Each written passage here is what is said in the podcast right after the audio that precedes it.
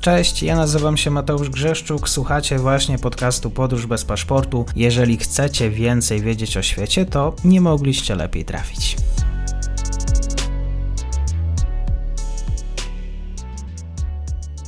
Partnerem podcastu jest szkoła językowa szybkiangielski.pl. Ułatwiamy naukę języka.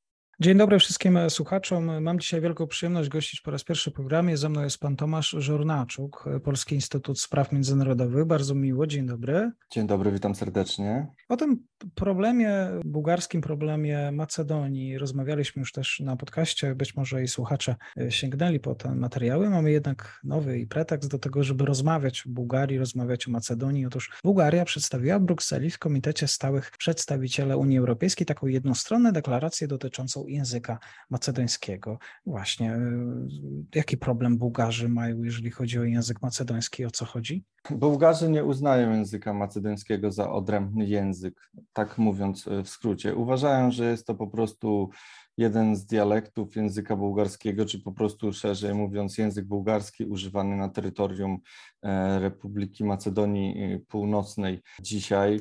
I trzeba powiedzieć, że jest to e, problem no, polityczny, czy jest to e, żądanie polityczne e, w dużo większym stopniu niż lingwistyczne. Dlatego, żeby zrozumieć różnicę między językiem macedońskim a bułgarskim, to trzeba powiedzieć, że no one się różnią, ale niewiele. Natomiast łatwiej będzie to wytłumaczyć takim terminem, który w lingwistyce nazywa się wzajemna zrozumiałość języków.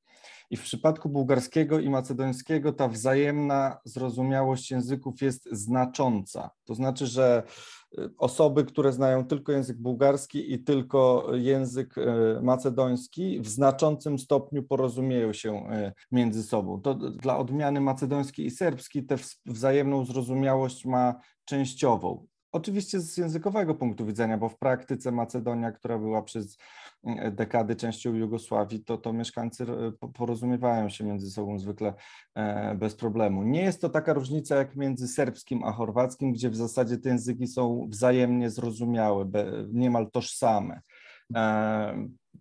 I troszeczkę na nasze podwórko się, się z tym przenosząc, to, to, to te różnice można powiedzieć, że są mniej więcej takie jak między czeskim a, a słowackim, gdzie ta wzajemna zrozumiałość też jest e, znacząca. Natomiast no, nie, nie, jest tak, że to jest, e, że to jest ten sam język. E, z, ze slawistyki na Uniwersytecie Warszawskim studenci z powodzeniem jeździli, na przykład studenci serbistyki y, do, do Czarnogóry, gdzie formalnie jest język czarnogórski i tam, tam e, się uczyli z, z programem języka czarnogórskiego. Ten, e, ta różnica między bu, bułgarskim, czyli studenci bułgarystyki, gdyby pojechali do, do Macedonii studiować e, północnej, zauważyliby, że te różnice są dużo bardziej znaczące. Tam po prostu nie tylko jakby słowa często są zupełnie inne, ale też struktury gramatyczne się różnią. Więc są to języki, no, podsumowując, zbliżone, ale na pewno nie e, tożsame. Więc ten bułgarski postulat tutaj no jednak wykracza, no, jest dosyć naciągany i, i z tego powodu jest to jednak e, problem polityczny, a nie językowy. A w polityce bardzo sporo się dzieje, bo Macedonia Północna ma szansę wstąpić właściwie do Unii Europejskiej wraz z Albanią. Ma szansę wstąpić, natomiast w przypadku Macedonii Północnej to przypomnijmy, że jest to, jest to jakby mm, oczekiwanie bardzo długie, ponieważ pierwsza rekomendacja Komisji Europejskiej, aby rozpocząć e, negocjacje akcesyjne, czyli, czyli, czyli rozmowy o członkostwie, to jest rok 2005. Rozpoczęły się te negocjacje dopiero w połowie połowie lipca tego roku, więc to jest 17 lat y, oczekiwania i to oczekiwanie miało w znacznej części związek z kłopotami Macedończyków y, z, sąsiadami. Tak, tylko pokrótce przypomnijmy, że najpierw blokowali Macedończyków Grecy y, przez kilkanaście lat do dwa, dwa, od 2008 roku formalnie I, i, I, problem się zakończył dopiero w 2019 roku, kiedy Macedonia e, zgodziła się zmienić nazwę na, na Macedonia Północna, prawda, na Republika Macedonii Północnej, co pamiętajmy, że też nie, nie obeszło się bez protestów i, i, jakby gorącej sytuacji w kraju.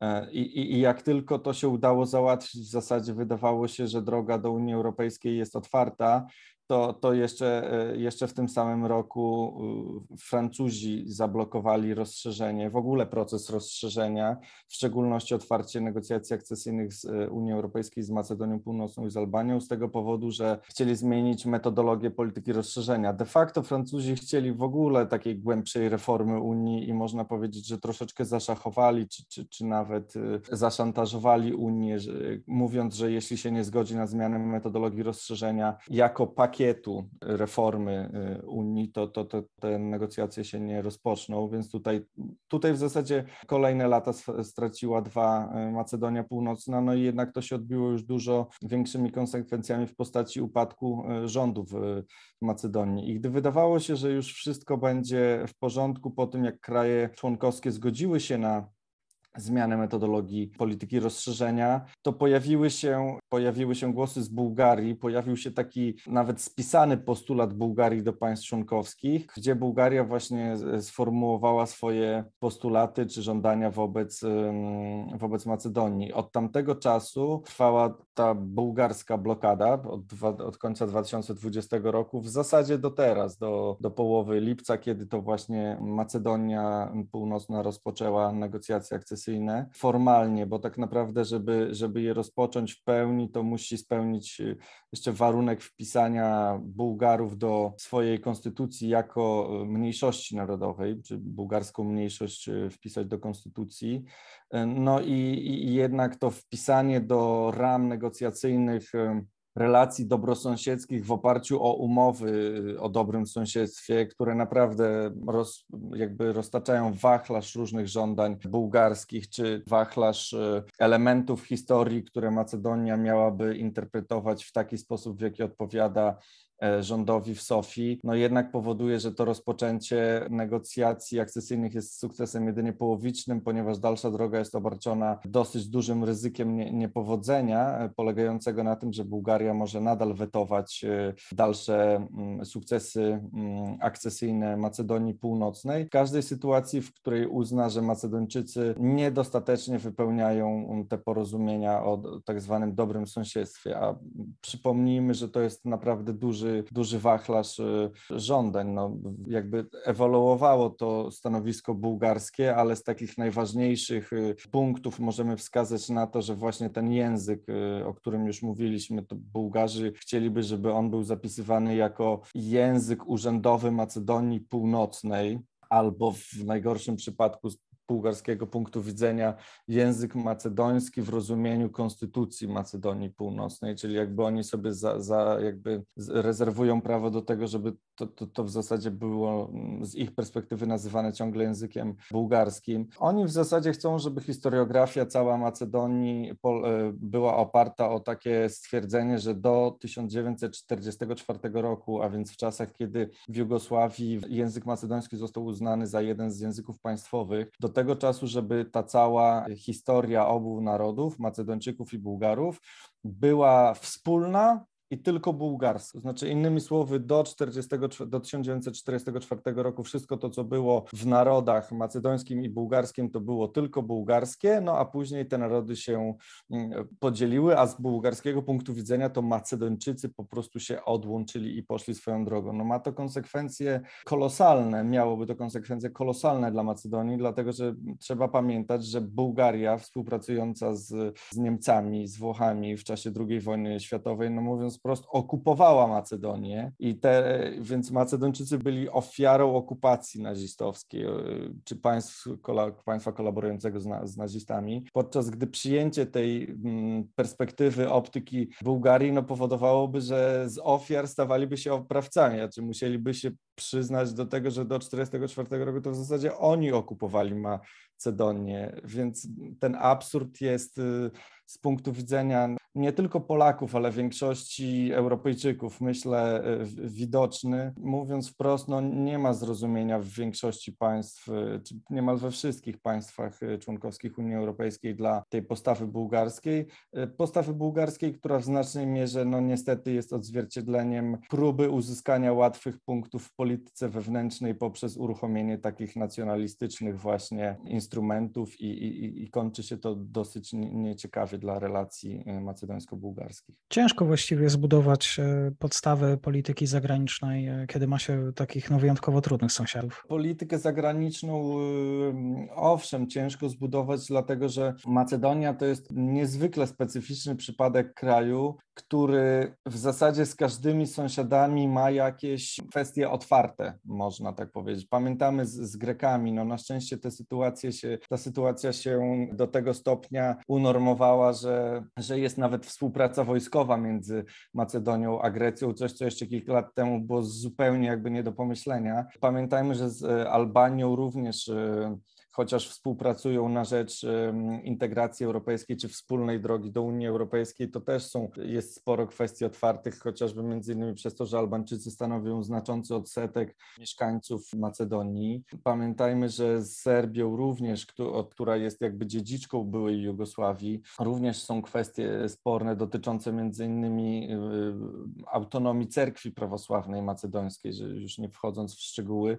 No i z Bułgarią właśnie y, taki naj najnowszy problem, który się kilka lat temu wydawał no, niemożliwy do powstania, bo w zasadzie nic nie wskazywało na to, że Bułgarzy mogą do, jakby wobec Macedończyków wyjść z takim, z takim pytaniem, czy z taką kwestią no, negującą w zasadzie podstawy istnienia narodu, czy tożsamości, czy, czy jeśli nie to, to, to przynajmniej bardzo ważne elementy tożsamości narodowej, czyli, czyli historię i język. No to, to przypomina nam nieciekawe wypowiedzi różnych y, polityków, łącznie z prezydentem pewnego kraju, który, który podważał istnienie narodu ukraińskiego i wiemy, do czego to doprowadziło, więc to, to są z takiego politycznego punktu widzenia dosyć nie, niebezpieczne wycieczki, na jakie się zdecydowała Bułgaria, tak to trzeba przyznać, no a zdecydowała się, powtórzę, z takich powodów mm, e, wewnętrznych. Po, po prostu w, w, czasie, kiedy w Bułgarii były dosyć duże protesty mm, antyrządowe spowodowane niesamowitą korupcją i zawłaszczeniem państwa przez, e, przez partię GERB Bojko Borisowa, to żeby odwrócić trochę od tego uwagę i też sobie nazbierać punktów przed planowanymi na mm, wiosnę 2021 roku wyborami parlamentarnymi,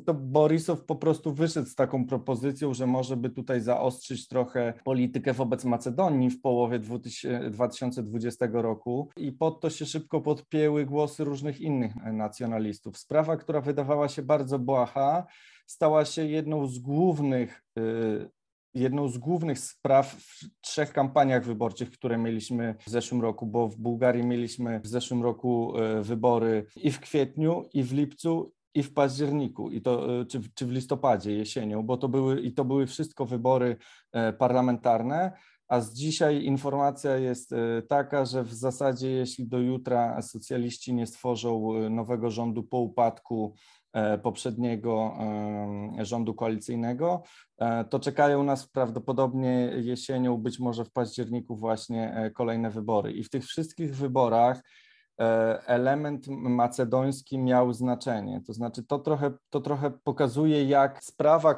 na której chciało się zarobić trochę punktów politycznych, urosła do, do sprawy najwyższej wagi w relacjach z, z sąsiadem i to, i to w takiej narracji, której myślę wolelibyśmy nie oglądać. Tak jest. Bułgaria, Macedonia Północna, problemy jak zwykle na Bałkanach. Tomasz Żornaczuk, Polski Instytut Spraw Międzynarodowych. Bardzo dziękuję za komentarz. Dziękuję bardzo. I to już koniec na dzisiaj. Zapraszam na profil podcastu Podróż bez paszportu na Facebooku, Instagramie i Twitterze. Zachęcam też do wsparcia mojej pracy na serwisie Patronite oraz Buy Coffee. Do usłyszenia.